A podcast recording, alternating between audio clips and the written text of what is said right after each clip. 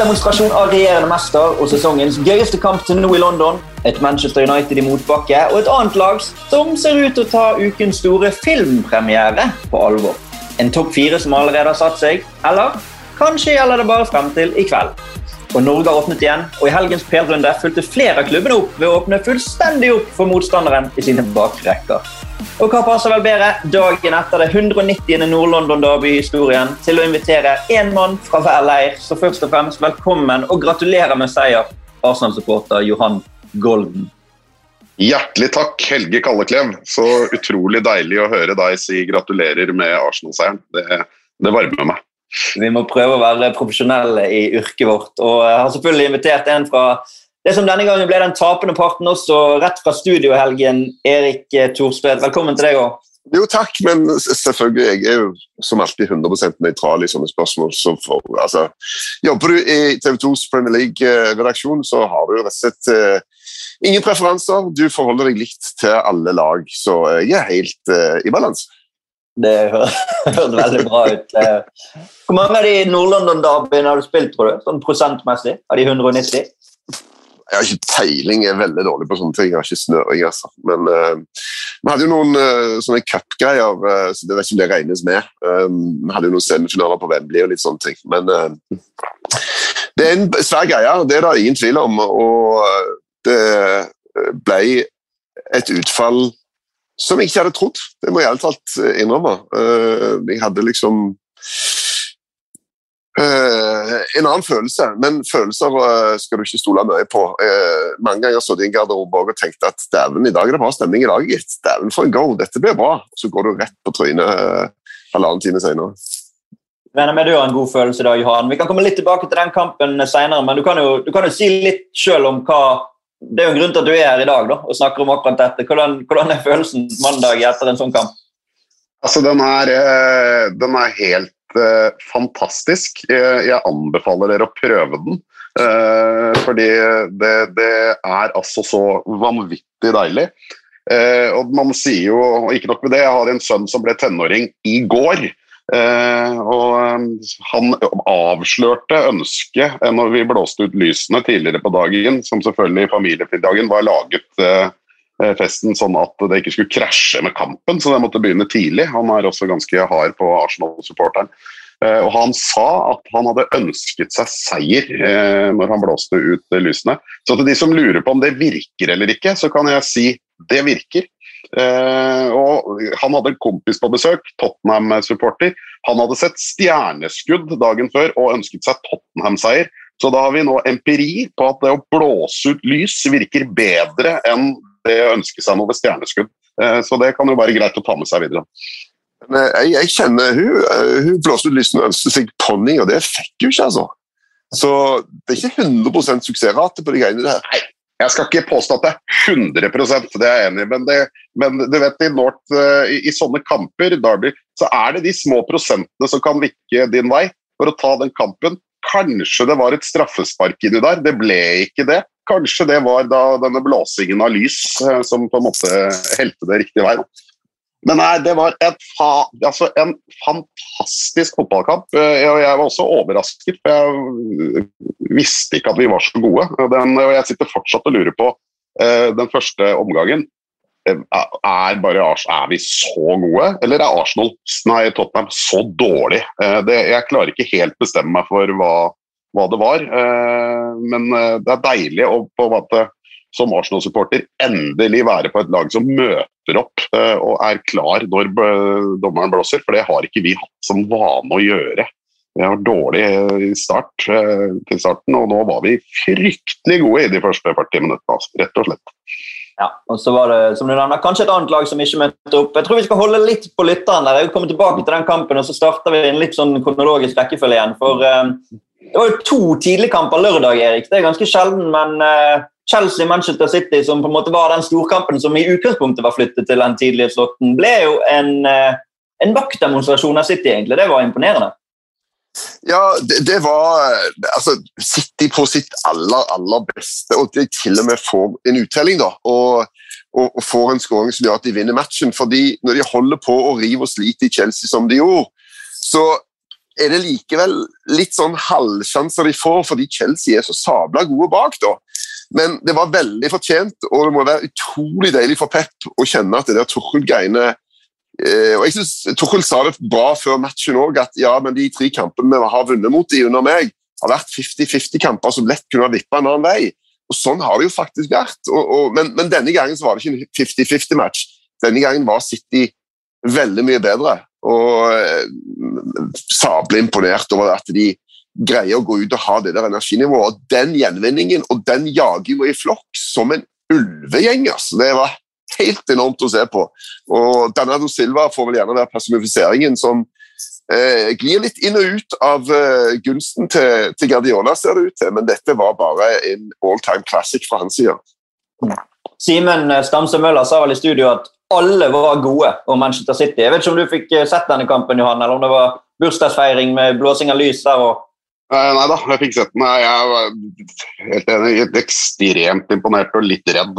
Eh, men det har jeg vært lenge når det gjelder City. For det, det toppnivået, når de er helt sinnssykt, så er det ingen som er i nærheten, syns jeg. De er altså så gode. Og Jeg har lurt på hvor gode Chelsea er. Hvor sterke er de? De har sett veldig veldig gode ut, eh, men de ble rett og slett runds, ikke rundspilt, men det var et City var mye bedre. Det var, det var, jeg overrasket over. At de var såpass mye sterkere. Det sier noe om den kapasiteten til City-laget. At de klarer å gjøre det gang på gang på gang, er for meg helt Det er rart. Det er, det er skummelt å se på. Det var jo en del som nå hadde tatt til orde for at Chelsea kanskje hadde overtatt et favorittstempel all den tid City hadde vist litt svakhetstegn. Og, og, eh, hva tenker du, Erik? Er det så enkelt at nå snur vi igjen? Nå er det City som er ligafavoritter igjen, eller? Nei, men hadde, hadde Chelsea vunnet her, så hadde det vært seks poeng forskjell, da. Mm. Uh, og det hadde vært, faktisk vært ei, ei, vet ikke mange kamper igjen, men det hadde vært ei lita luke nå, når du ser uh, at disse lagene her kommer faktisk til å vinne enormt mange av de matchene. Altså, for de er såpass mye bedre enn de andre, tenker jeg. Um, men uh, City er jo omtrent favoritter hos bookmakerne i absolutt alltid stiller opp på. Og det, det, er jo en grunn til det, da, for disse bookmakerne vet jo hva de snakker om. Det handler om penger, og da er de som regel spot on. Eh, så eh, City forblir nok eh, likevel den, eh, den, store favoritten. Og så er det jo søren ikke lenge til før vi får en ny eh, test på den Liverpool City-matchen som kommer neste helg. Mm. Altså, Tenk å møte da Chelsea borte, PSG borte og så Liverpool borte. Det er litt av en uke. altså. ja, det blir eh, PSG City i morgen. Den er bare å glede seg til også her hos oss på TV 2, Johan. Da, eh, du, er jo, du er litt fransk, men jeg vet ikke hva du tenker i en sånn kamp? Nei, ja, det er jeg. Og jeg er jo halvt fransk. Og, og følger jo da selvfølgelig også Guadeloupe med veldig sterke øyne, som er det som eh, er jo verdens beste fotballnasjon, hvis man ser på hvilke spillere som, eh, som kommer derfra. Eh, med bare 390 000 innbyggere. Men bare litt tilbake til City. vi skryter med, De vinner bare 1-0, og alle vet det at det, det, er mye som kan skje. Det er jo det eneste som er det, litt utur, så er det en kampen uavgjort den andre veien når du, når du leder med ett mål. Ja, kunne det, det, ja, absolutt. Og Da er det gjerne en type Romelu Lukaku da, som skal stå frem for Chelsea i akkurat sånne kamper. Det ble jo påpekt der annet av Eirik Brodland på Twitter at han har kun skåret 16 av sine 116 mål mot topp seks-lag og har fremdeles noe å bevise i storkamper. Hva tenker dere om det? det? det? har jo vært rettet en finger mot han tidligere, både i hans forrige periode i Premier League og i Manchester United og i Everton. Erik. Det er jo sånne kamper han gjerne skal stå frem. da. Ja, jeg vet jo at han, han har alltid skåra mye siste kvarteret. Det er òg en sånn greie. Når de andre begynner å bli litt trøtte, eller eh, når de, når de allerede to, leder 2-1, når de andre pusher opp for en skåring, og så skårer han to på slutten, så det blir 4-1 istedenfor. Men vi kan alltid finne noe å sutre over. da. Det er liksom aldri noen som er helt perfekt. Um, og jeg synes jo uansett hvor du vrir og vender på det, så er han en sabla god spiss. da. Og jeg tror det er et superkjøp av Chelsea uansett helt fantastisk. Og det er jo litt sånn, eh, du, du, Man klager jo ofte på liksom stjernene når man snakker om det der at de skal stille opp til de store kampene. Eh, men stjernene kan jo ikke klare hele laget alene heller, og det er kanskje noe med hele laget som blir stressa i store kamper. Eh, spisser trenger, trenger jo service. De, de, må få noen baller. så Hvis ikke det, det foregår fra resten av laget, så, så er de like langt. Så jeg vil jo ofte påstå at stjernene får kanskje ofte litt sånn smellen på at ikke de stiller opp de store kampene, men eh, den kritikken kan gå til hele laget, eh, føler jeg ofte. altså. Vi går fra en uh, stjernesmell til en annen. for Parallelt med denne kampen så spilte jo Manchester United og Aston Villa. En kamp som egentlig skulle gå senere på dagen, men som ble flyttet frem pga. en konsert i Manchester. så Derfor vi to kamper parallelt der. og uh, Det var en smell Erik, både for Solskjær og Bruno Fernandes og opptil flere. Ja, det var det. Uh, og det må jo bare skryte litt av, av Villa, egentlig, da, som, som var gode. Og så blir det selvfølgelig det dramaet på slutten med Bruno og Ronaldo inni og Martinez, keeperen til Villa, da, som er jo en famous Han er berømt Det var en sånn episode i Sør-Amerika-mesterskapet der han han, han, han, slengte så mye dritt til Jeremina på Colombia og Everton før han skulle ta et straffespark i semifinalen i Copa America at han måtte sende han et brev med eh, på en måte en forklaring etterpå. Eh, og du ser liksom, Han står og sier til Ronaldo du skal ta det. Ta det, du. Ta straffen, du. Eh, og, og, og, så blir det selvfølgelig mye lagt inn i den greia etterpå. Hvor mye betydde det, bla, bla, bla. Men det var uansett en ganske dårlig straffe. altså. Utypisk Bruno, som vanligvis pleier å være rolig, ta et lite hopp og bare sende ham til ei side. Og bare blåste han godt over målet, altså, med full kraft. Eh, og så kan du si, er det usportslig? Ja, det er det definitivt. Men det er jo opp til dommeren egentlig å gjøre noe med det. Og Dess lenger en greier å drøye tida fra dommeren blåser straffespark til sparket faktisk blir tatt, så viser forskning at det øker sjansen for at uh, en bommer. Så Martinez må jo slippe unna med det på en måte. og, og jeg må si at det er, det er, Du prøver det du kan, og, og dommeren må ta det hvis, det hvis du skal bli kvitt Jeg er helt enig. Jeg mener jo at i utgangspunktet så er et straffespark feigelag eh, hvis man skal se på det. Du står en spiller, han får lov å stå der helt, og keeper må stå på streken. Alle triks i boka som er innenfor, eh, på sånn drøying og sånne ting, bør egentlig være lov. Eh, det, du skal score på straffe, eh, uansett om du må vente i ti sekunder ekstra eller ikke. Det, det er et spill i spillet. akkurat det der tidligere Nederland-kjempe Hans van Breukelen var vel eh, verdensmester på å stå opp i ballen og hen. og stikke av med en, jeg vet ikke hva han holdt på. Han redda jo alt hele tiden. Uh, og selvfølgelig ekstremt irriterende eh, for de andre, men du må bare deale med det. Liksom. Du, du, har fått ballen, den ligger rett uh, foran deg på 11-meteren, og da skal den i mål. Altså. Og er, jeg tror jo det er han får nerver. Han veit at alle bommer den, så, så, skal alle si nå skal Ronaldo ta den. La oss snu på det. Hadde Ronaldo tatt den og bomma, så hadde alle sammen vært ute og sutra og sagt hvorfor i alle dager tar ikke Bruno den, som har skåret hele tida. Kan ikke bare komme her og ta straffer. Så det var bare det der. Det, det var bare meant to be. At, og det kommer til å fortsette, for hvem tar neste? Jo, la oss si at Ronaldo tar den og bommer. Hva gjør de da? Vi har jo en sånn potensiell uh, lignende sak i Chelsea, for vi har jo ennå ikke sett hvem som kommer til å ta straffene for Chelsea. Er det Jorginho eller er det Lukaku? Sånn? Det gjenstår. Jeg tror ikke de har fått en straffe siden Lukaku kom. Og det er jo en, altså Lukaku ønsker å bli toppskårer, og da er det jo en kjempefordel å ta straffene. Men Georginio har jo vært rimelig bra, da, selv om han bomma for, eh, for Italia mot, eh, mot, England i, i EM i sommer. Ja, og, for Chelsea i den siste. Men uh, hvis du skulle tatt straffe og hatt Ronaldo bak deg liksom, Det må jo være noe med du vet at Cristiano Ronaldo står bak deg og skal liksom ta returen. Det, det er jo en veldig spesiell situasjon for Bruno. det. Ja, jeg hadde skåret, ja. bare, for å være, ja, bare, for å, bare for å slippe det problemet der. Det hadde jo vært en absolutt klassiker hvis de kjørte underne, dytter ballen fram én meter, og så kommer Ronaldo løpende bakfra og klinker den inn. Det hadde jo vært en helt syk måte å løse det på. Da. Og det er jo faktisk lov. Det er ikke alle som er klar over det, men det er jo noen som har prøvd seg på det greiene der. Henry og Perez eh, lyktes jo ikke med det, blant annet. Men jeg tenkte, tenkte på det allerede på, på, det frisparket på overtid der i første omgang, når Bruno og Ronaldo står der og Ronaldo skyter i muren. Og det har jo han gjort mye, for Ronaldo er jo ikke så god på frispark som kanskje mange tror. eller sånn Prosentvis uttelling er jo betydelig dårligere enn f.eks. Bruno. da. Så det, hver dødball fremover kommer til å være sånn issue mellom Ronaldo og, og Bruno Fernandes. Ja. Jeg, jeg syns bare ikke det er Fred til alt, jeg.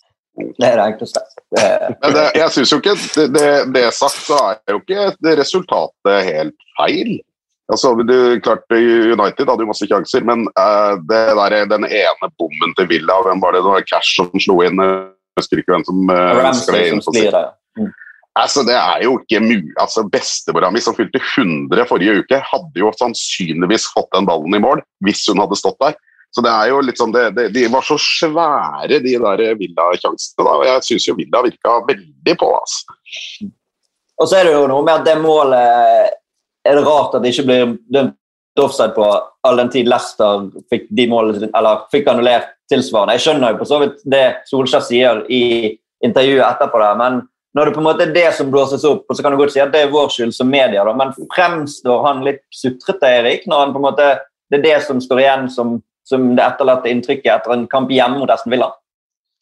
Ja, Nå har han jo hatt eh, en ganske sutrete fyr som forbilde. da. Fergie var jo veldig god, og han mente vel at, eh, at altså det å ta vekk oppmerksomhet fra visse ting, sette stort fokus på andre ting, at i lengden så betaler det seg.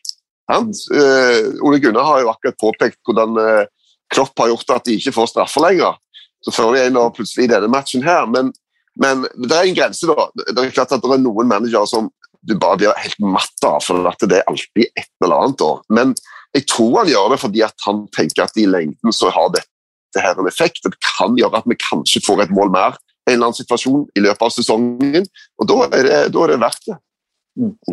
Så har de jo Via Vi har Real nå i Champions League, og så har de Everton igjen til helgen. Eh, Spillemessig så må jo det skje ting der. Det er jo ikke sånn at Manchester United har imponert veldig i sesongstarten. De har fått med seg et par poeng, eller et par seire på, på tampen av kamper. Du som ser ting litt fra utsiden, Johan, hvor uh, imponert eller ikke imponert er du over Manchester United sånn rent sportslig i høsten 2021?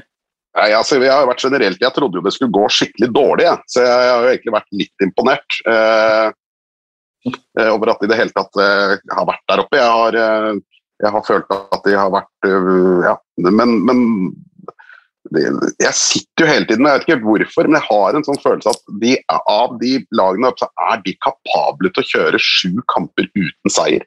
Altså jeg, liksom, jeg, føler ingen av de andre har jeg, de, jeg, de er mest sånn usikker på av, hva lag. Jeg vet ikke helt hvorfor.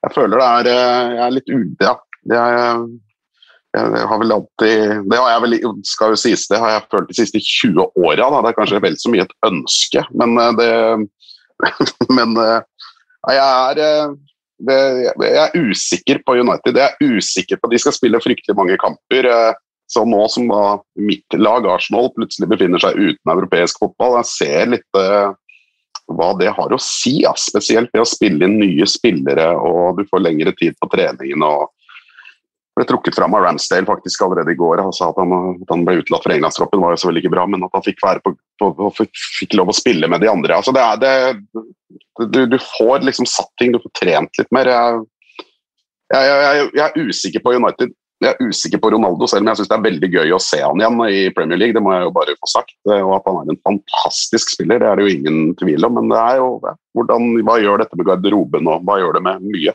Jeg er spent. Jeg er usikker på det. Og, og Villarreal har vært kjempegode nå.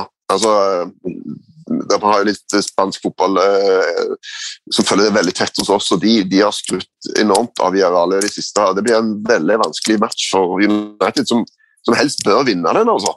Eh, etter å ha tatt borte Young Boys første match, så dette er en kamp de skal vinne hjemme. og Hvis de ikke gjør det, så, eh, så skrus jo selvfølgelig volumet i forhold til Ole Gunnar opp.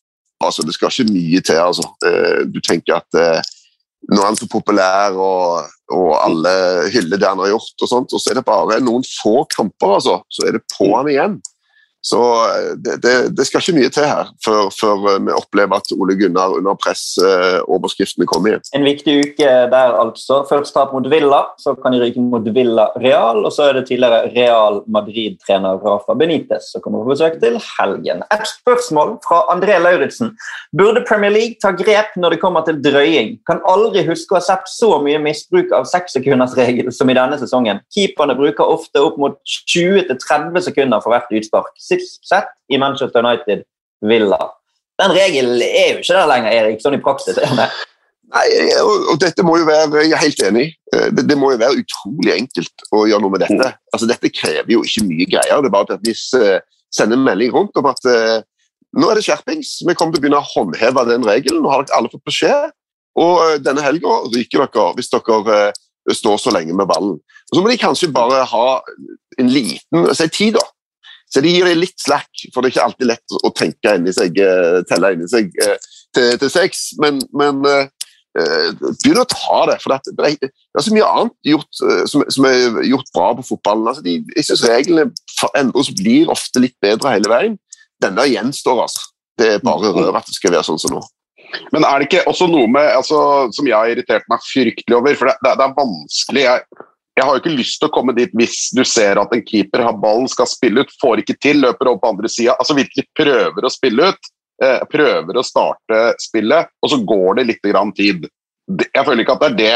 Men når en keeper alene, upressa på slutten, hopper opp, tar tak i ballen, må legge seg ned på, ballen, på, på banen fordi han må ligge og holde på den. Det er ingen i nærheten. Altså, sånne, det er litt sånn de, de, kan det da ikke være så vanskelig å, å bare gjøre noe med. Det, det, det, det må bare kunne tas. Men du tenker at Hvis eh, keeperen har ball i hendene, løper rundt i målgården med litt sånn desperasjon i blikket og kikker utover på banen, så kan han gjøre det et minutts tid. Da er det greit. så da, da prøver han i hvert fall.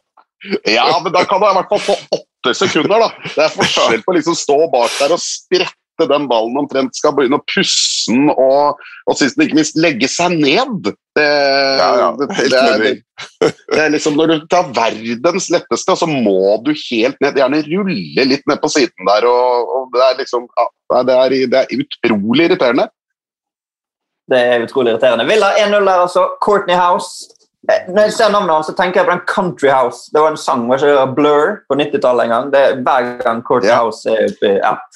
Da går til 16-runden. Tippekampen Leeds-Westham, gammel klassiker som eh, Westham nok en gang imponerer. Snur kampen, Erik. Og eh, Leeds sliter litt. De til det skjevt ut.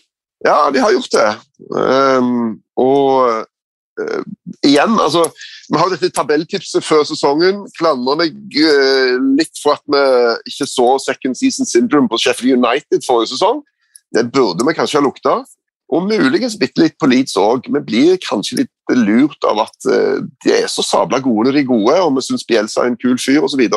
Men ja, det er andre lag òg som nå har en bedre peiling på hvordan Leeds opptrer, og hvordan de kan gjøre i forhold til den spillestilen, som er ganske spesiell. Og så har de i tillegg Eh, mange skader. og den, Vi så jo bare på den benken vi hadde denne gang, er bare helt absurd. Hvis du legger Westham-benken på siden av Leeds-benken altså I forhold i, antall år og erfaring er bare det er som eh, en, en toåring altså, som eh, skal spille mot en som går på første videregående. Hva mener du på? Kristoffer Claesson skal inn og redde det laget? Ja, men det, Vi hadde jo to nordmenn på benken der, da. En 17-åring i Gjelde òg, og det er jo litt gøy. Da er det jo plutselig det popper opp en haug med nordmenn i uh, Premier League-klubber, og det er jo uh, veldig veldig stas, syns jeg. Og, og, og, de gjør det bra i tillegg. Mm.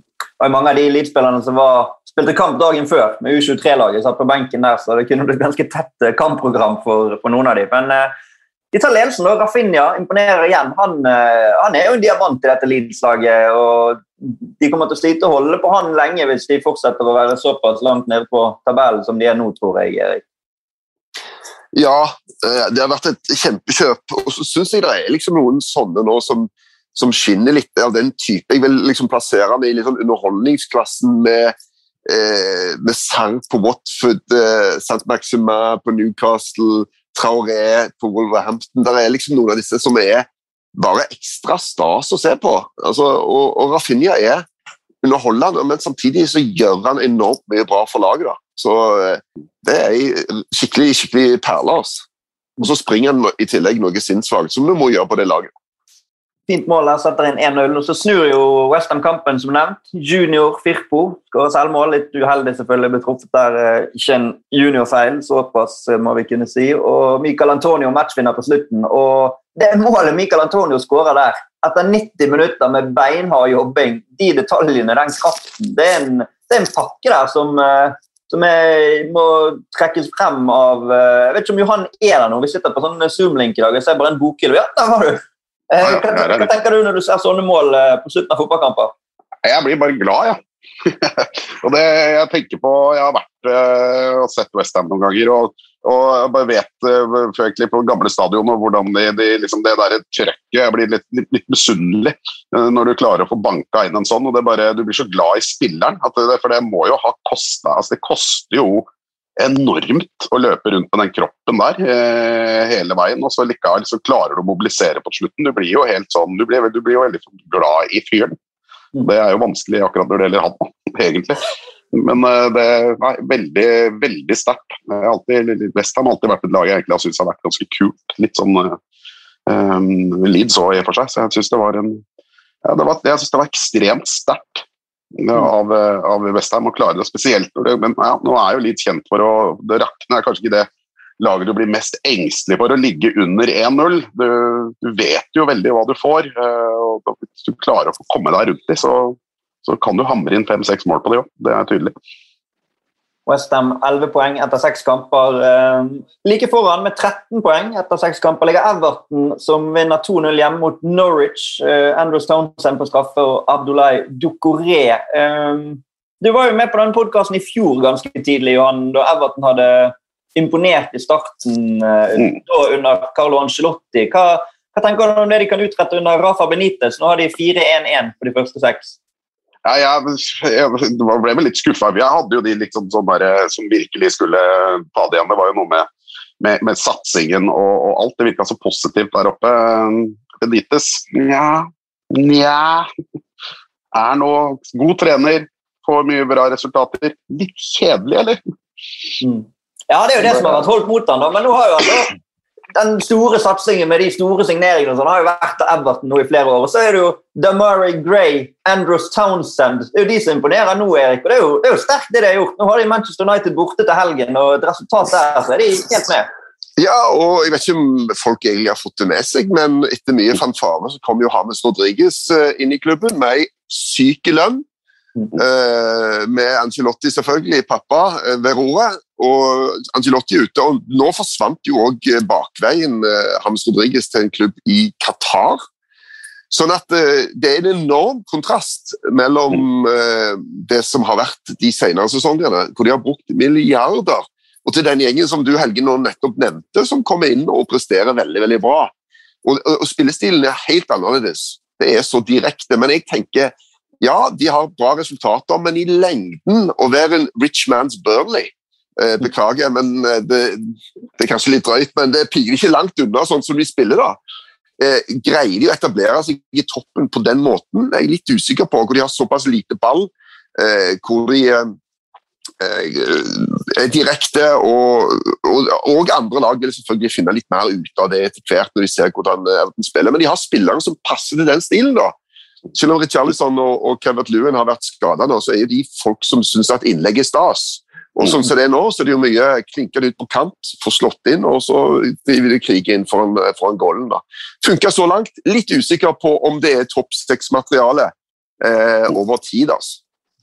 Er, jeg har ikke sett så mange Everton-kamper eh, det hele, men hvordan er liksom Pickford der? da? Altså, det, Nei, Pickford har greid seg bra. Det var litt sånn snakk etter, rett etter når sesongen starta om at uh, ja, nå er det ikke Englands Pickford. Nå har vi Everton Pickford tilbake, den gode gamle som roter rundt der. Men, uh, men, han har jo greid seg bra, Pickford. Altså. Det har ikke vært noe å si på han så langt denne sesongen, syns jeg mer å utsette på Norwich, som uh, står med seks strake tap. 16 strake tap har de vel i Premier League, hvis du tar med de ti de hadde på tampen sist de rykket ned. Og jeg nevnte jo introen der, et lag som kommer til å gjerne gjøre heder på en filmpremiere denne uken. Jeg vet ikke om dere var med på argumentasjonsrekken rundt det. For uh, det er jo en film som har premiere i morgen. Vet dere hva det er? Er det ikke James Bond, vel? Jo. Ja. Bond og hvis Norwich går inn i James Bonds premiereuke med muligheten for 007 i protokollen på lørdag, så, så bør de gripe han, tenker jeg. da. De har Burnley, Burnley borte til helgen. Det, det er en bunnkamp. Ja, det er en bunnkamp, ass. Men herregud, Norwich ser dårlig ut. Det, Uh, ja, det, kanskje 007 er, det beste de kan oppe på, men samtidig heter ikke den filmen 'No Time To Die'. Så hvis de skal begynne å hente noe inspirasjon, så bør de kanskje se litt på tittelen og se om det, det, er, på tide, det er på tide å begynne å vinne noen fotballkamper. Uh, det tror jeg de er veldig klar over. Det er veldig interessant å se hvis de går gjennom altså, hvis, de, hvis, de, fortsetter så dårlig da, og rykker ned så det suser. Holder de fortsatt fast med Daniel Farke? og sier at ja, men han er best rusta til å få oss opp igjen. Og Det kan godt være at han er, men nå har de altså to ganger gått på trynet. Så Det blir spennende å se hvordan Norwich eh, takler dette. her. Etter å brukt eh, en god del mer penger de, eh, før denne sesongen enn de gjorde forrige gang de, de rykka opp. Men, men uttall, uttellingen har jo vært eh, eh skrekkelig ett av eh, fem lag som har til gode å vinne. Så det er klart, Slår de Burnley til helgen, så er jo de helt med igjen. For det er flere lag som har kommet litt skjevt ut her. Og nettopp Burnley eh, imponerte jo resultatmessig mot Leicester. En av de andre kampene som gikk lørdag klokken fire med 2-2. Og eh, ja, det handlet jo mye om Jamie Vardy der, da, Erik, både på, på, godt og vondt. Men de to målene han skåra, er, det er jo sånn han gjør. Det er jo veldig typisk. Ja, det er klassisk Vardy, det, altså. Og og drive og, og mobbe publikum litt etter skåringene. Og, eh, og, jeg har faktisk litt sånn sympati med han på det selvmålet, da, for det, eh, det, er jo en, en, en, corner som han eh, flikker inn sjøl. Men, men, det er altså sånn, ok, men når du er på første stolpe der, da, og det kommer et sånn Hva skal du egentlig gjøre for noe? Skal du prøve, skal du trekke deg? Skal du bare la han gå? Altså, Du hopper maks av det du greier, og det maks av det du greier er å gi han en liten flikk. da. Og Det, det ender jo ikke veldig bra, men men det er veldig veldig vanskelige situasjoner for folk å forholde seg til akkurat disse greiene. føler jeg. Mm. Det er jo, eh, altså Akkurat den corneren fra det er vel Ashley Westwood som slår han, er jo på en måte beviset på at du skal prøve å slå de cornerne rett over hodet på den forsvarsspilleren. Altså Du irriterer, irriterer, deg så ofte over at de ikke klarer å slå han over første forsvarer, men det er jo det ja. de prøver på. Så den er ja, perfekt slått. Og Som keeper følte jeg det var, det var klart de verste cornerne. De som ble slått, og så visste du ikke Går han rett over hodet på de foran der, eller får noen en liten flikk, eller hva skjer egentlig? De var de verste, syns jeg i hvert fall. Innsvingere. Andre målet til Burnley var jo ikke corner, men det var cornett. Det er så mye dårlige overganger her nå, men eh, det, ja, det, det, det lå bare der foran meg. Så, men, eh, men eh, blir han ikke cornet, da? Er han ikke fransk? Blir det ikke cornet? Jo da, det gjør det. Det er cornet. Men, men, da går det ikke opp i ordspillene dine, Helge? Nei, okay, sorry. Men eh, Johan er jo der, og jeg hadde rent med å bli arrestert av han. Men det ble faktisk arrestert av deg, Erik. Men det er helt greit. Jeg lever med det. Fint mål av Maxwell Cornet. Eh, var første kampen hans fra start. som det er veldig sånn utypisk Burnley. egentlig. Hentet en spiller for 15 millioner pund som uh, skåret mål i Champions League mot Manchester City. Men uh, hvis han fortsetter på den måten der, så går det an å, å glede seg over, over, Burnley også fremover. Og um, Det blir spennende å se den Norwich-kampen. Der Taperen der Ja, selvfølgelig vinner Norwich, så er de forbi Burnley. Og taper Norwich, så er de nesten distansert allerede. Siste kampen på lørdag klokken fire det var Watford mot Newcastle. og Sean Longstaff 1-0 til Newcastle, Ismail Azar 1-1. Og så trodde jo Joshua King at han hadde skåret igjen i Premier League, Erik. For uh... Det var en herlig jubling, i hvert fall. Ja. Han gikk all in på jublingen der, men uh, det var jo uh, så vidt offside, så den var jo grei, for så vidt. Det var riktig. Det gule kortet ble stående, var det riktig? Altså, Det er vel sikkert det, men burde det vært riktig? Det har jeg aldri tenkt på, faktisk. At Uh, jo, du, det er vel sånn at uh, hvis du sparker en fyr ned, men det har vært offside rett i forkant, så blir det gult kort likevel. Ja, men det er jo for forseelsen her er det snakk om liksom, De skal ikke ta av seg drakten fordi du bruker for mye tid og bla, bla, bla. Sant? Men her bruker du uansett tiden på å sjekke målet på, på VAR. Så kunne jo kunne vært en, Ok, du får ikke målet, men da slipper du i hvert fall det gule kortet. Hadde vært en ok sånn mellommenneskelig regel, syns jeg. da. Jeg synes også det er, det, det er liksom ikke så kult når du flekker i drakten når du har denne GPS-BH-en under. Altså, det ser sånn ut som det er, helt, det er helt komisk når du løper rundt og flekker BH. Altså, Hvis du først skal dra i gang, da så må du rive av deg hele den òg, hvis du liksom skal vise liksom, uh, Her skal bare alt av. Ja. Det, det, det, det, blir for dumt.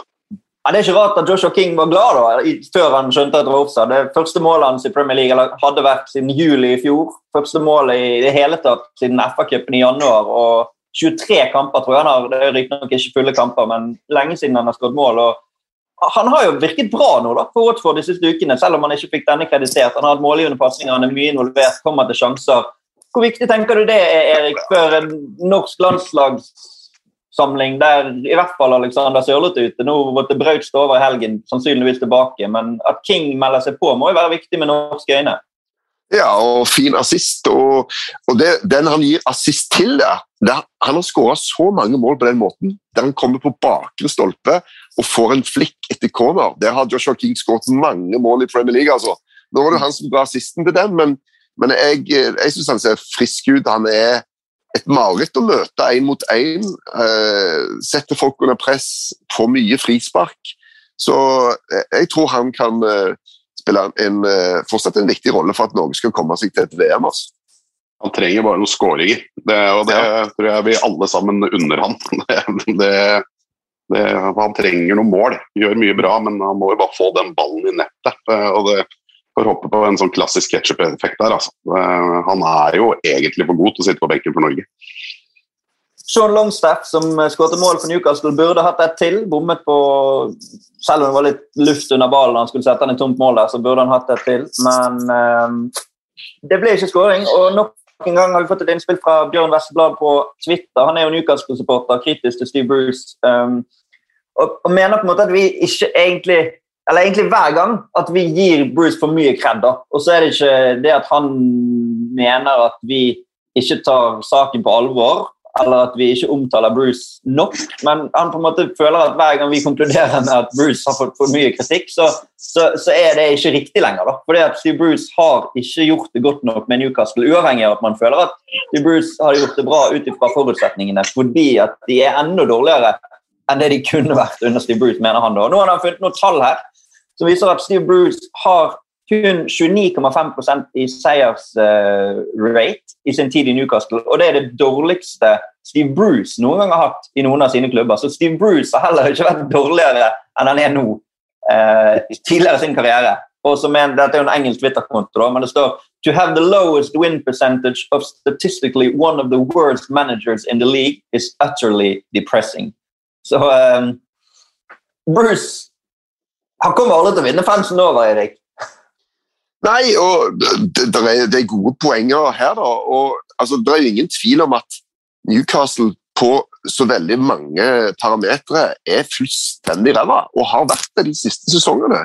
Altså, de, de har vært så sabla dårlige på så mange områder at det som har bare gitt meg litt respekt for Bruce, er at de lander på beina hele veien. De ser bare ut til at de setter sammen ei rekke, som de gjorde på slutten av forrige sesong. Når jeg spår at denne gjengen her kommer til å rykke ned, dette her er sjanseløst. Og så bare eh, gir de meg en våt fisk i trynet og spiller bra og tar trepoengere og, og greier seg greit til slutt. Men, men, jeg er jo enig i at altså Steve Bruce er en old school manager. Han, han fikk jo inn han eh, Glenn Jones het han vel, han nye treneren som også i England oppsetter. og Det ble mye bedre på slutten av forrige sesong, men de er jo ikke akkurat uh, noen høydere nå. Men, men de Jeg syns jo heller ikke at de er liksom fullstendig ræva. Altså, de har jo en del gode spillere, og, og spiller av og til ganske bra, men fortjener stort sett å tape de kampene de taper. da. Eh, så Det er bare et eller annet med hele denne følelsen da, med, med, med den limboen som Newcastle henger i med eier og manager og alt. Det er liksom bare sånn Det er sånn et rart vakuum som bare ikke ser ut til å ha en ende. da. Sånne ting bør jo ta en slutt, men det har jo ingen slutt. Så eh, jeg ønsker bare at dette at han får solgt klubben, at de får en ny manager, og at det starter på nytt.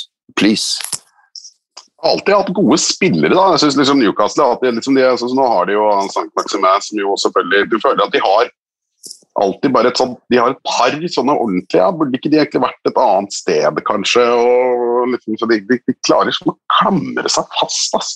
Uh, det er jo litt sånn, Nå henta de jo Joe Willoch fra Arsenal, han gjorde det jo veldig bra på slutten. Og fikk de ham permanent etter overgangen. Så det var litt sånn, jeg følte jo litt at det kanskje var litt sånn positivitet der uh, på, vei, på vei inn. Jo da, men da blir det Ok, så henter de han, og så eh, blir det sånn Ja, men alt vi har henta, er han. Altså, Da bør vi hente mer. Og, og det er hele veien sånn fram og tilbake, men get your money out fra fansen. Og eieren sier ja, men vi bruker jo, skal ikke bruke mer enn det vi får inn. Og så skylder sier de at siden Bruce kom, så har vi netto brukt 1,2 eller 1,4 milliarder blir det i norske. Og, og så kan de da si ja, men det er nye for en Premier League-klubb, og bla, bla, bla. Så holder vi gående. og det, det er bare det, det, det blir ingen ende på det før det blir et skifte, altså. Nei, de må bare selge klubben. De må bare bytte. Det, det, det blir ikke reparert, det der. I motsatt ende av skalaen kan vi kanskje si på flere måter. En litt mindre stadion, litt mindre klubb, helt annen by, andre siden av landet. Men en klubb som nå begeistrer, og som virkelig har fått fansen tilbake på stadion og utnytter det til fulle. Brentford, som eh, spiller 3-3 mot Liverpool i det som i hvert fall jeg føler er den råeste kampen til nå denne sesongen. Erik. For Der var det både stemning, skåringer, nordmenn Alt. Den hadde alt, den, for, for en TV-seer. Ja, og det eh, altså, det er omtrent sånn at hvis det er én stadion du har lyst til å være på akkurat nå, så er det Brentford stadion. For med denne synginga og hele greia, så er det bare godvilje eh, rundt hele greia. Og, og jeg beundrer beundre liksom den grunnlagsjobben som er gjort i Brentford. Der en liten klubb eh, har en klokkeklar plan. Eh, de vet 100% hva de driver med. De ser at skal vi greie å ta rotta på eh, de store guttene med mye mindre ressurser, så må vi være sabla flinke. Og det er de på alle måter. Alt er gjennomtenkt, gjennomanalysert, eh, gjennomplanlagt. Og, og de har en langsiktig plan. da. Altså de, han, eh, Thomas Frank tapte jo åtte av de ti første kampene han var sjef i Brentford. Og Det har vært nok til at han fikk fyken de fleste andre plasser, men nei. Her eh, har de en stor plan som til og med sier at vi kan tåle å rykke ned fra Premier League. Det er greit, vi kan kanskje trenge et par turer opp og ned for vi greier å etablere oss som det P-laget vi skal være. Men foreløpig ser det ut til å, å stoppe der de er nå, da. Det er klart at det, det er jo noen historier der. Ethan Pinnock, som skåra det første målet der, spilte for Dulwich Hamlet for fem år siden. På nivå syv og åtte. Og det var ikke som liksom 19-åring, det var som 23-åring. Og har på en måte da tatt steget nå via Forest Green Rovers, Barnsley, Brentford og så opp. Og, og den Moneyball-tankegangen kan du jo si mye om at Ayer er en, del av de, en av de som har kommet inn der. Og, og det, nei, det er rett og slett utrolig imponerende. Jeg tror vi skal komme tilbake inn til den redningen i kampen, for den har jeg lyst til å ta frem i en av de faste spaltene senere. Men um, vi snakke litt om Liverpool også, da. Uh, Mohammed Salah som skårer sitt uh, 100 mål allerede. Hva tenker du om han? Er han, er han rett og slett undervurdert? Selv om han er selvfølgelig skrytt mye av? Altså, Salah kan du ikke si er undervurdert. Det, det, det går jo ikke an. Eh, De må jo stenge Egypt hver gang han kommer seg en tur Nei, hjem. ikke i Egypt, ikke i Egypt, ikke han er undervurdert, men, men i måte, den daglige talen her. Man snakket jo voldsomt om han de første sesongene. Men så har han fortsatt å levere, bare stabilisert seg på et helt skyhøyt nivå på leveranse av skåringer. Det er jo, jeg, jeg mener det er Mogane. litt sånn som Messi òg. Har vært litt undervurdert de siste årene.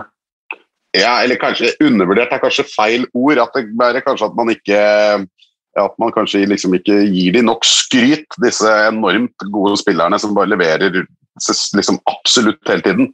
Eh, vi har jo i Norge spart alt det skrytet til Erling Braut Haaland. Eh, så det er han på en måte, jeg tror kanskje han har tatt, stukket av med hele, liksom hele bøtta. Vi har ikke mer skryt igjen til noen andre etterpå. Men eh, nei, ja, ja, han er jo helt vanvittig god. Det er det jo ingen tvil om. Liverpool er gode. Det er klart de skal slå Brentford, men der er det jo flere andre lag som har brent seg, eh, for å si det pent. Eh, Så de er jo åpenbart utrolig irriterende å møte. Eh, Men, men, men, jeg vil ikke si han er undervurdert. ass. Det er langt ifra. Han er, han er en veldig, veldig, veldig god spiller, rett og slett. Erik nevnte så vidt der, er det ett sted du har lyst til å være på kamp nå, så er det gjerne i Brentford. Du har jo reist mye til London, Johan, både sett Arsenal og andre klubber, men det å stå der og synge Hey Jude med fansen etter, etter en sånn kamp så det, det må jo være enormt. Ja, det må være, altså, det er liksom, Man skulle gjerne ønske man var Brentford-supporter akkurat nå. Jeg unner de det, for det er, jeg vet ikke når de eventuelt hadde det sånn sist. Og kommer de til å ha det sånn igjen? Jeg tror de vil ta veldig vare på dette øyeblikket og denne perioden de er inne i nå, for det, det er ikke sikkert det varer. Um, men det er jo helt vanvittig uh, det de holder på med, å få Kristoffer Ayer og, å være med der ute nå. Det må være så gøy. Og sist, men ikke minst, holde alle danskene på benken. da, Bare en sånn liten kamp i kampen her. altså det var vel fire eller fem dansker på benken. Det var bare én i startoppstillingen, tror jeg. Så vi, selv om vi bare er én representant, så starter han i hvert fall. Så dette er, det, det er viktig. Det er absolutt viktig. Yes, Liverpool leder jo ligaen, da. Eh, den jevne ligaen. Men hvor imponert blir man når man isolert sett ser på denne kampen, Erik? De slipper inn tre mål mot Brentford. Du kan si hva vi vil om at Brentford er bra og at det er et eventyr, sånn, men det, det, er jo ikke godt nok for Liverpool, det. Nei, men ok. City spilte 0-0 hjemme mot Southampton i forrige runde. Altså, det ser jo ut som altså, du, du, greier jo ikke å vinne alle kampene. Lista ligger jo der for topplaget, at du forventer de skal liksom bare slå alle andre lag. Men det er klart, Brentford nyopprykka, slipper inn tre. Spørsmålet er om, om, om det der forsvaret der ikke er så bra som de var på sitt beste, eller om det bare er at de kommer til å tette igjen etter hvert. Litt usikker, men, men jeg tenker at eh, en sånn slenger, det, det, må du nesten tåle. Altså. Det, det, det, gjør du eh, i løpet av en eh, sesong, og først og fremst så, så er det mulig at Liverpool-fansen kan bekymre seg over det, men, men for oss eh, andre var det bare sabla gøy. da. Det var enormt. altså. Helt fantastisk. Så får vi jo en test da, med Liverpool mot City på Anfield til helgen. Det er, jo, eh, det er jo den ultimate testen. Det er på hvor, hvordan står dette forsvaret her. Hvor god er van Dijk etter den skaden han har hatt? Hvor bra klarer de å mure igjen? Hva forventer du til helgen der, Johan? Men Ligger ikke det litt i bakhodet? Uh, at det er kampen. At det er farlig når du møter sånne lag som Brentford. Du, du har allerede begynt å tenke på den kampen som er uh, neste. og at uh, litt redd for å skade seg kanskje i forhold til den kampen. Du vil så gjerne egentlig bare lede 3-0 med en gang og cruise gjennom denne her og få den bli ferdig, så du kommer deg til kampen. Som er liksom der hvor de skal virkelig inn. Det er jo Champions League imellom, da, så det, er ja. mange, mange kamper mange, å ta det ro i. Ja, men, men, det er liksom Brentford av, av, disse kampene var kanskje den som man bare, den bare vinner vi, liksom. Den, eh, det, det kanskje at det har gått litt på, på bekostning av det, altså. Men uh, jeg vil jo bare korrigere. Det er noen lag som går gjennom en sesong og ikke taper. Men, så, det, så det, er, det er mulig. ja. Det er kun Liverpool igjen som kan gjøre det denne sesongen. Uh, etter helgens kamper så er det ett lag som har muligheten til å bli invincibles igjen. Jogo Jota skåret sitt femte mål på heading for Liverpool. Han har liksom funnet den der, måten å plassere seg på inni boksen der. Han er ikke, der skal han være, og så stanger han nye mål. Ja, de gir han jo litt mye plass der, da, men, men sånn er det jo. Eh, og de skal hentes inn òg, da. Han er jo flink til å styre ned i hjørnet. Så ja, det er sånn overraskende at han skal ha vært, eh, liksom, fått det som eh, en av sine store styrker. Men det er jo super hvis en så bra spiller kan drive og heade inn mål hele veien i tillegg. Så er det jo en full, full pakke, liksom ingen av de 16 målene han skåret for Wolves, var headinger. Så det var jo eh, greit at han plutselig dro det frem når han nå ble Liverpool-spiller. Men en som har skåret en del mål for Wolves på headinger, som nå skårte mål med beina i Southampton Wolverhampton på lørd, nei, søndag, unnskyld, Raúl Criminez. Det var fint å se han skåre mål igjen. Ja, det var altså det unna det, altså. Eh, og det målet var så ekstremt bra. Da. Den fighten som han må ta med, på det lange utspillet, og så dra seg inn og uh, det, det, var et ekstremt fint mål. Ass. Så hardt fremjobba uh, og elegant i tillegg. Uh, så, og han, han har jo skutt og skutt og skutt. Var den som hadde skutt mest i Premier League før denne kampen uten å få mål. Så nå har han begravd det spøkelset, i hvert fall. Og Wolverhampton tror jeg kommer til å ta mye poeng. Altså. Jeg har ikke gitt opp det laget deres. Hva er det som skjer i kampen? Jeg så ikke kampen, eh, for da var jeg i bursdag. Jeg eh, måtte spare til senere på dagen. Hvordan spilte Moi? Moi? Moi, ja. Ja, jeg syns han greide seg bra. Jeg, jeg syns han var ganske bra. Var vel en av de studiene som prøvde seg på at han var bare Southamptons beste, og det kan godt være det, altså. Men uh, det ble jo uh, ikke noe ut av det, i hvert fall. Burde, burde ikke du egentlig uttale det moi, du som er fransk? Uh, nei. Litt, det jeg skulle si var at det var ikke så veldig overraskende at det ble lite mål i denne kampen. Southampton så ut til å lenge gå på sin tredje strake 0-0-kamp. Nå ble det jo ikke det, mens Wolverhampton har vel 1-0, 0-1, 0-1, 0-2, 0-2.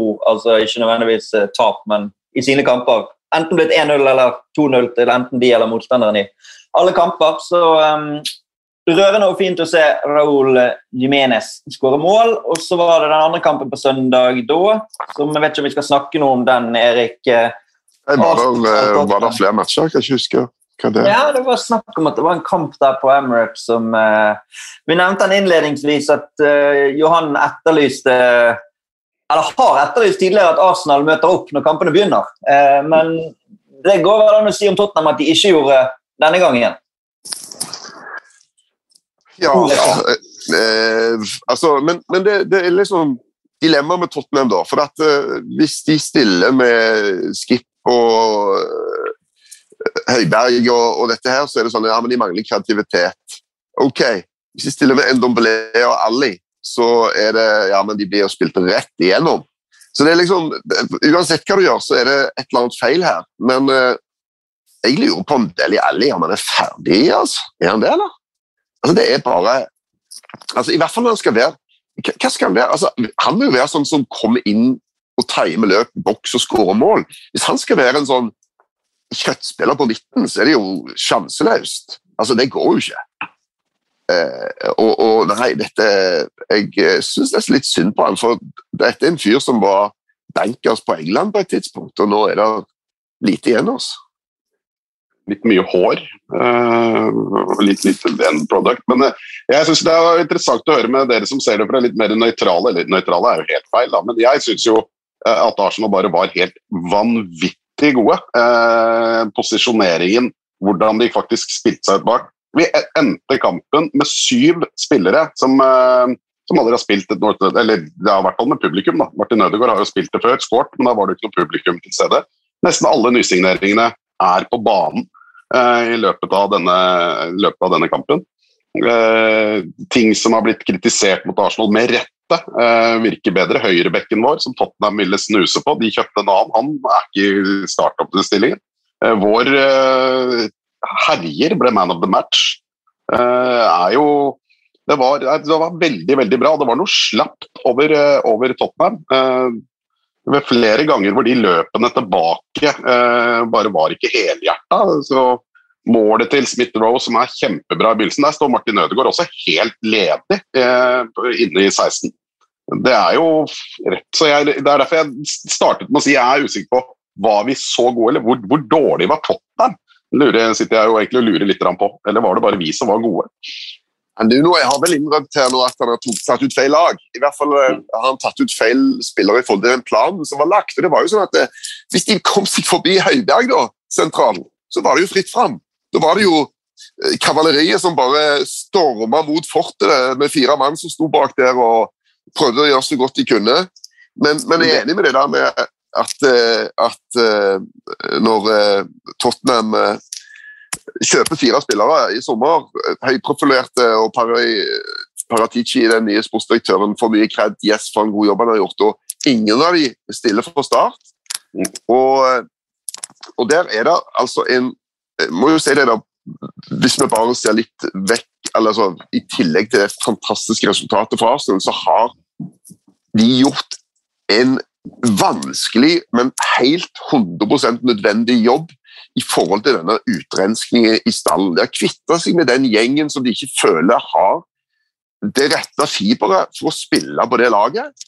Og så har de fornya og forynga seg kraftig. Det laget der er så ungt. Du har Granit og så har du Partey, og så har du Aubameyang. Alle de andre de kan spille altså De kan være ryggraden i det der laget der i mange mange sesonger framover. Og Det har vært smertefullt, og det har vært mye kritikk underveis, men nå er den jobben gjort. Da ligger det ganske åpent foran de til å kunne prestere veldig bra og forbedre seg, òg sammen som en gjeng, i en del sesonger framover. Så det, det, det, virker Det ser bra ut nå, plutselig, for uh, Arsenal. Og så kan vi spole fram til februar, og så plutselig alt ræva igjen. Det vet du ikke. Men jeg syns at Arteta nå har, kan rette hodet og holde det høyt og se at du hva, vi har gjort en vanskelig jobb. Vi har kommet ut på andre sida med en gjeng som jeg tror kan gjøre det bra for denne klubben i mange sesonger. Ja, jeg er veldig pro det. Men det, den starten til Arsenal er liksom to. Vi, vi, var, så, vi var, jo så koronabefekt i, i, første, i, første, kamp. Vi hadde vel tolv spillere ute med korona mot Brentford. Brentford fikk flere spillere der fikk korona av å møte oss. Den kampen burde ikke vært spilt. At vi taper mot City og Chelsea er greit, eh, men det var liksom Altså, man snakker om at det er bare tre poeng. Det er stort sett sant, og det er, men denne kampen mot Tottenham var mer enn tre poeng. fordi den definerer hele starten. Nå har vi en ålreit start, vi har ikke en god start. Hadde, vi, eh, hadde Arsenal tapt mot Tottenham, eh, så hadde vi tapt mot da, Chelsea, City og Tottenham. Da hadde vi fått den der 'dere klarer dere ikke' mot de store. Nå, nå, nå tok vi de, og da det, Så det, det, det har alt, absolutt alt å si, og det har også noe å si på måten det ble gjort på. Dette var ikke flaks. Vi var bedre enn Tottenham, eh, og ganske mye bedre enn Tottenham i den kampen. Det er lenge siden vi har sett det fra Arsenal, altså, at det, det, begynner å se hva de vil. Hvordan de skal spille. Så har det vel aldri ligget mer i luften etter tre kamper at en tabellsituasjon ville snu så radikalt som det har gjort. For det at da Tottenham ledet ligaen etter tre kamper og Arsenal var sist, så var det masse sånn å se på tabellen og bla, bla, bla. Men alle som holder med Tottenham, i hvert fall visste jo at det kom til å være 9-9 etter 6. Ja, det, det, har jo vært måte, skrevet i stjernene fra, fra den tabellteten var et faktum. Men det er jo ganske sykt å tenke på da, at det bare drøyt to uker siden Nuno Espirito Santo ble kåret til månedens manager og ledet laget som ledet ligaen, som ikke hadde sluppet inn et eneste mål, mens Miquel Arteta ledet laget som lå nederst på tabellen, og nå er altså, nå er det folk som Skåret et eneste mål. Ja, sant. Og nå er det jo nå er det seriøse folk som er ute og mener at Nuno er på en måte nesten ferdig allerede. At han har ingenting å vise til, og at ikke de har en stil eller noe som helst. Hva tenker Du om frem, du, du skrøt veldig av fremtiden til Arsenal eller forutsetningene for de fremover. Erik. Men hva tenker du om fremtiden til Nuno Espirito Santos Tottenham da, etter en så flau opptreden som dette i et North London Derby. For det må gå an å si at det var. Ja da, definitivt. Eh, men det avhenger jo enormt mye av de neste matchene. da. At du får dette på rett kjøl. At du eh, tar noen eh, Vinner matcher, rett og slett. Og, og det, andre omgangen var jo uansett eh, Du er sjanseløs når når du taper sånn som du gjorde. så er Du blir totalt slakta. Det er liksom ingen eh, middelvei der. Men det var jo en viss form for bedring. De burde kanskje hatt et straffespark. Eh, expected goals var relativt jevn av alle slike ting. Tot, eh, Arsenal traff jo, var jo prikkskyting i første omgang. De traff jo på det de hadde på mål. Eh, men det var ingen tvil om at de var det klart beste laget. Men, men jeg mener jo at dette Tottenham-laget er jo har jo mange gode spillere. Men du må liksom finne ut eh, hvem vil du egentlig bruke. Eh, skal du, hva med Dele Alli? Hvor mange sjanser skal han få? En Dombelé plusser og minuser. Hvordan skal du vekte dette laget? Da? Det ser ut som det blir sånn enten-eller. Enten så er det porøst, eh, men kreativt, eller så er det mer solid, men eh, uten skaperkraft framover. Eh, og, og, så, så, han, han, må kjapt finne ut hvem skal jeg bruke, og hvordan skal vi spille. Og det er jo det som Jeg, jeg syns Nuno gjorde en fantastisk jobb i Wolverhampton, men greia var at De var jo satt opp som et kontringslag. De var jo satt opp som en gjeng bak og en gjeng framme. Og De framme var såpass gode at de greide som regel å skape noe og skåre en del mål og vinne ganske mange kamper. Men med, med Tottenham så, eh, så kan du jeg mener du kan ikke spille sånn, for at fansen vil ikke finne seg i at motstanderlaget som regel har mer ball enn deg. At du skal ligge bak og være solid og satse bare på å sende Mora eller sånn eller Kane gjennom på et eller annet. Eh, du, du, kan spille sånn så lenge du vinner, men når du da taper i tillegg, så er det uholdbart. Så, så her er det uh, mye, mye, jobb som må gjøres, ganske kjapt. Men jeg syns vi skal dreie giljotinen på Nuno noen kamper til. Utrolig stort av han å gå ut og si at han tok ut feil lag i forhold til gameplan, som han jo gjorde. For det, eller på en annen side, det var det ingen, det, det var jo tydelig. Men det er mange som ikke, ikke hadde sagt det på den måten der. Så man får jo litt sånn respekt for en trener som, som sier det. Jeg, jeg, men det store spørsmålet for meg som ikke Tottenham-supporter, er jo liksom Harry Kane. Hva han hadde det på tredje målet etter Saka der, så er det jo han som begynner med å tryne på ballen. Så skal han eh, redde situasjonen, og det er jo bra. Da viser han jo at han på en måte trekker helt hjem og takler i egen 16. Så er det jo så veldig uflaks som gjør at den ballen havner i føttene til Saka og setter målet. Men øh, han gjør jo det der Det er når han mister ballen. Altså, han gjør jo ikke det når han skal fram og skåre mål. Hvor, hvor, er liksom Jeg syns uh, det, det, mangler noe sånn lyst. og Den der sommeren vil han ikke være der. og bare, ja, det, Han må jo funke for at det laget der skal være bra. Han, øh, han har jo vært veldig svak. Synes det var litt Andre omgang spesielt. Da tar han jo litt tak. Da kommer til et par muligheter, litt marginer som gjør at han ikke skårer mål. Men øh, men at han ikke egentlig hadde lyst til å være der, virker jo på en måte helt åpenbart. Så det er klart at Vi vet ikke nøyaktig hva som har skjedd eh, bak lukkede dører, men alle rapporter tilsier i hvert fall at han trodde han skulle være et helt annet sted enn han er nå. da. Og så er det klart at Han har alltid vært litt slow starter i tillegg, så kombinasjonen av de tingene gjør kanskje at det ser enda verre ut enn det er. Men du har jo vært ganske klar på det, Erik, at her har han tapt eh, en del goodwill, i hvert fall. da. Ja, han, han har jo på en måte, det, det, var jo en form for ydmykelse når han da går uh, ut som han gjør, og ender opp med å måtte bli. Og så tror jeg jo det har gjort en deal på at han forsvinner neste sommer. Uh, og jeg tror han er proff nok til å ønske å gjøre sitt beste, men han har nok fått en mental smell. Uh, så tror jeg at han er såpass god da, at han kommer til å, å finne ut av det. Han har skåra i ligacupen, han har skåra i Europa Conference League, han har skåra på landslaget. Han har bare ikke skåra i PL. Uh, og Jeg, jeg syns han har spilt de der altfor dypt. Uh, og så syns jeg òg det var ting i går. Han hadde et veldig bra skuddforsøk, bra redda av, av Ramsey. Um, så han er jeg ikke redd for. Jeg tror han kommer til å komme. altså.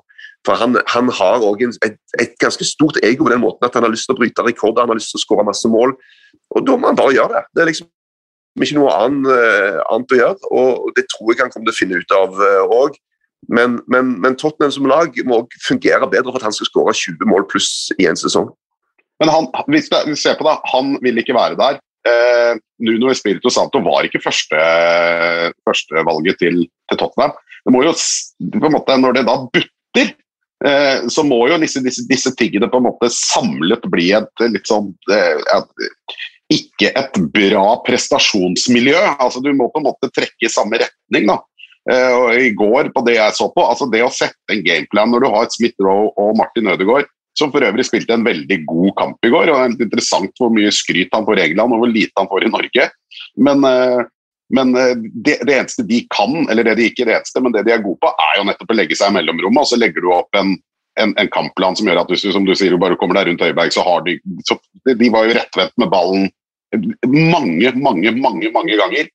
Dette, se, dette er jo sånn som for supportere, i hvert fall de jeg kjenner av Tottenham-supportere, blir jo meget frustrert. Det er jo vanskelig å skjønne hvorfor. Eh, og da mister du jo troa. Da mister man troen. Vi kunne sikkert sittet og snakket eh, Tottenham-Arsenal hele, hele, dag, men eh, Tottenham har Aston Villa til helgen. Forrige sesong tapte de North London Derby, slo tilbake og, og, vant over Villa i den neste kampen. og Villa slo som kjent Manchester United sist, så der må de opp igjen på hesten. Arsenal har et høytflygende Brighton, som vi eh, ikke skal snakke om i dag, for vi spiller inn dette før kveldens M23-derby. Men Brighton kan jo overta tabelltoppen i kveld, Erik. Det er om de så Crystal Palace. Ja, det er jo tidlig, da. Men likevel. De har jo plutselig fått uh, uttelling, og kanskje til og med litt i overkant av, av, det de kan forvente. og Da er de plutselig sabla gode. da. Altså, Med uttelling, normal uttelling forrige sesong så hadde de ligget veldig høyt oppe på tabellen. Så Brighton er et lag jeg er, er veldig glad i, og jeg syns det er stas at de er oppi der, men det, de får nyte det mens de, mens de, kan. For det blir ikke noe topp fire på Brighton. Også. Han slår de Palace og leder de serien, Johan. og Det er jo, det er jo gøy for en Brighton-supporter da eventuelt å kunne ta en, eh, en printscreen av en telefon eller en utskrift av et eller annet og henge opp på veggen. for det at uh, en ting er å slå Crystal Palace, som er en viktig kamp for de, faktisk et uh, derby, selv om ikke de er naboer. Men å, å lede Premier League ikke bare etter én eller to kamper, men seks foran de lagene som de eventuelt vil gjøre. Det vil se veldig bra ut. Ja, det vil se helt fantastisk ut. Så det, her er det bare å bestille tapeter og, og alt. Ass, for det, ja, det, er veldig, veldig gøy. Og fortjent, hvis de får det. Det er, for, det er det som er litt gøy òg. Det er fortjent. Jeg føler ikke at det er liksom, av de andre lagene. Ja, de har spilt kjempebra. Full innsats, skåre mål. Litt flaks, men alle har litt flaks. Arsenal hadde litt flaks når de slo Tottenham, at Harry Kane ikke setter den der ene. Du, du, du er nødt til å ha litt flaks og litt flyt. Og det har du når du er i god form. Litt flaks, litt flyt og litt form. Vi skal runde av med ukens faste spalter. Det var moro å se på. Morata var kjempegod. Hva i all verden? Han snakka ikke om seg sjæl, han snakka om dommeren. Yes, Vi kan begynne med rundens øyeblikk. Vi, og Der er det mye å ta av. Jeg vet ikke om, eh, om dere har noen favoritter sjøl. Jeg nevnte jo da vi gikk gjennom eh, Brentford-Liverpool at vi skulle vente litt med et øyeblikk fra den kampen. Eh, jeg vet jo at Du allerede har snakket en del om det, Erik, men det er han godeste, ikke Abid, men David Raja gjorde der, var ganske voldsomt.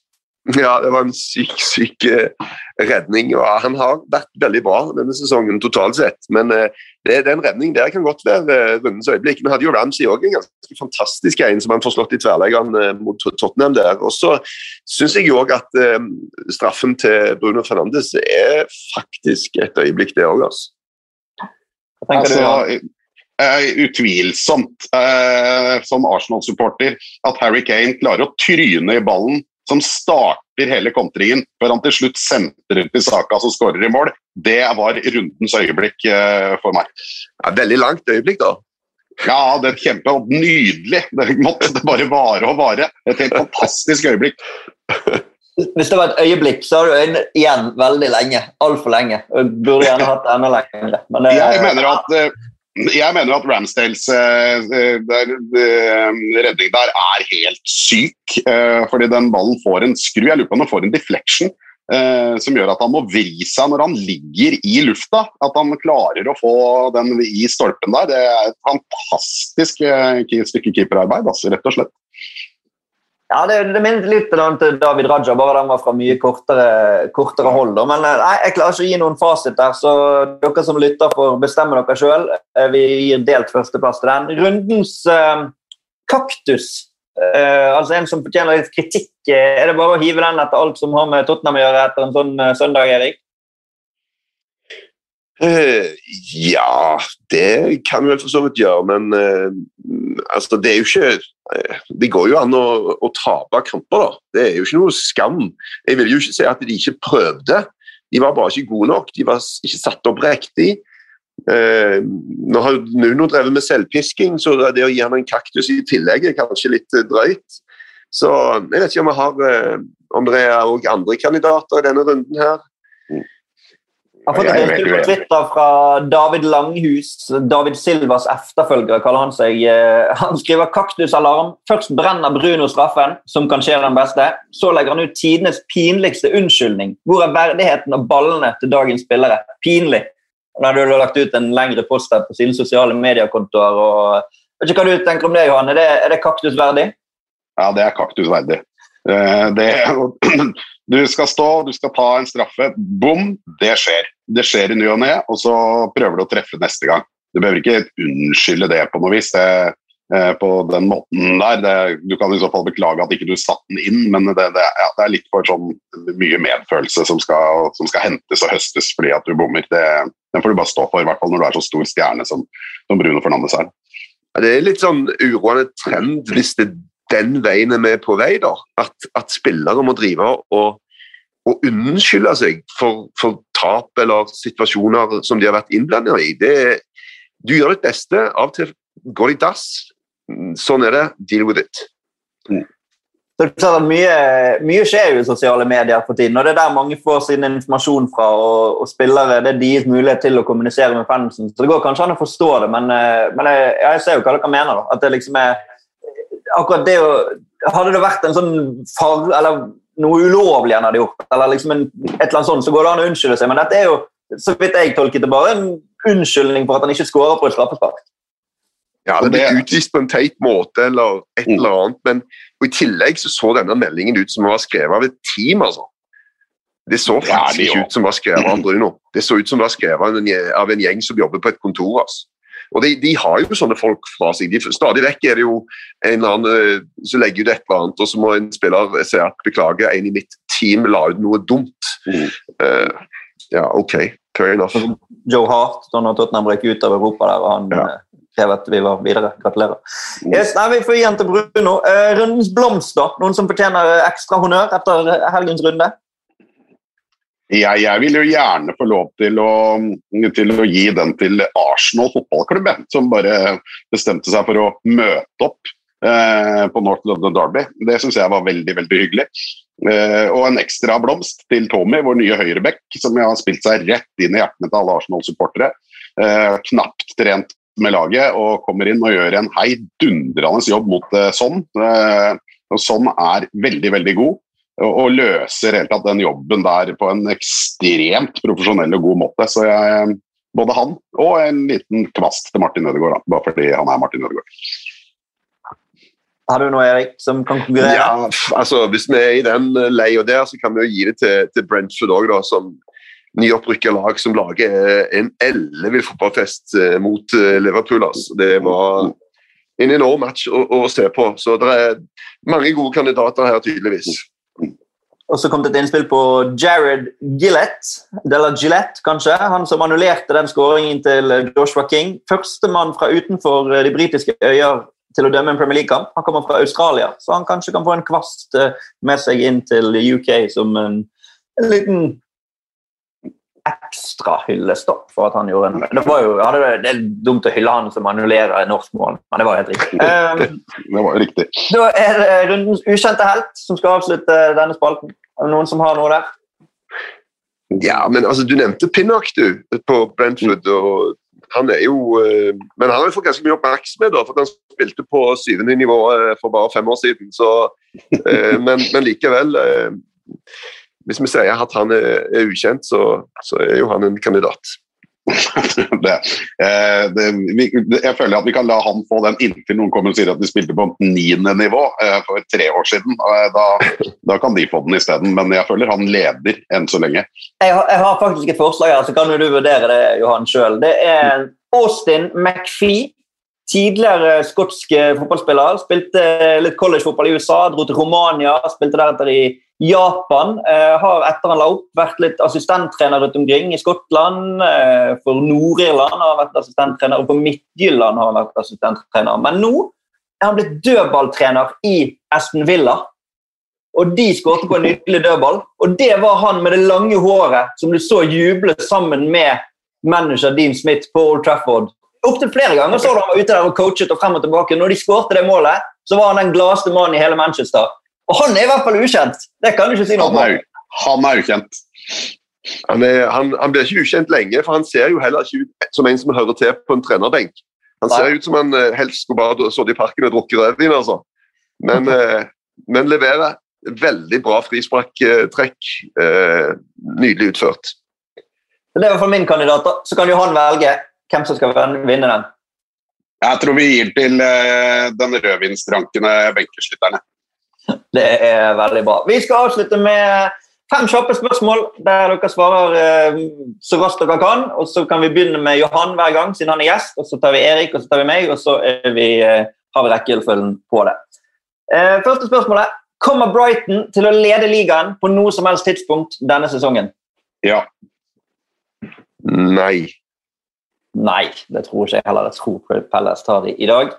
Eh, hvordan ender storkampen på Anfield på søndag, Liverpool mot City? 2-2. 1-1. 2-1 til Liverpool, tror jeg. Eh, får en av managerne i det som tradisjonelt har vært topp seks-klubbene, sparken i løpet av sesongen? Ja. Ja. Oi. Jeg tror uh, kanskje nei. Uh, så kan dere sjøl vurdere. Hvem tror du, da, Johan? Eh, Tottenham. Nuno. Ja, jeg tror Nuno rykker. Det er vel ikke så veldig mange andre. Det må være Nei, ja. Nei, Da skulle det gå veldig galt for, for Man United hvis Ole Gunnar skal få fyken. Altså. Det, det, tror jeg ikke. Så det må være Tottenham som er den nærmeste Eller Ateta, da. Det er jo ikke helt umulig, som eksamen kan komme ut i februar, og ting ser plutselig helt ræva ut igjen. Vi vet ikke, men jeg tror Tottenham og Nuno er det som ligger nærmest.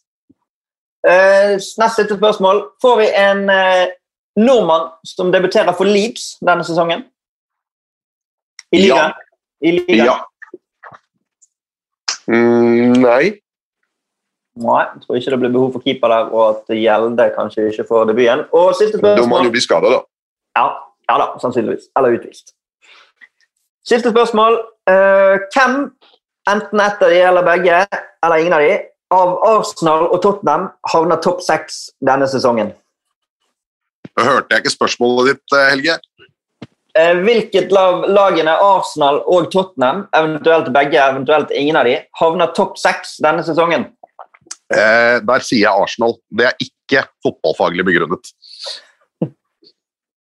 Mm, ja, jeg, jeg, tror faktisk jeg um, Jeg sier det samme. Er det fotballfaglig begrunnet?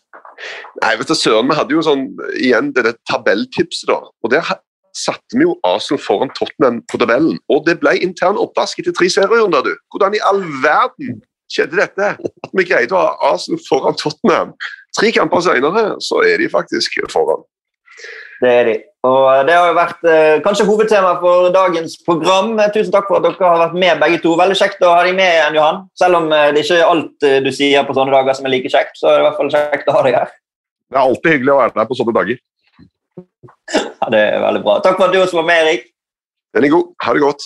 Og tusen takk til Moderne Media, som fasiliterer for at vi får eh, gjennomført denne podkasten. Og til dere der ute, fortsett å gi oss gode tilbakemeldinger og rate oss her og der. Og så ses eh, dere, eller høres, med noen andre på øret enn meg neste uke. Ha det bra!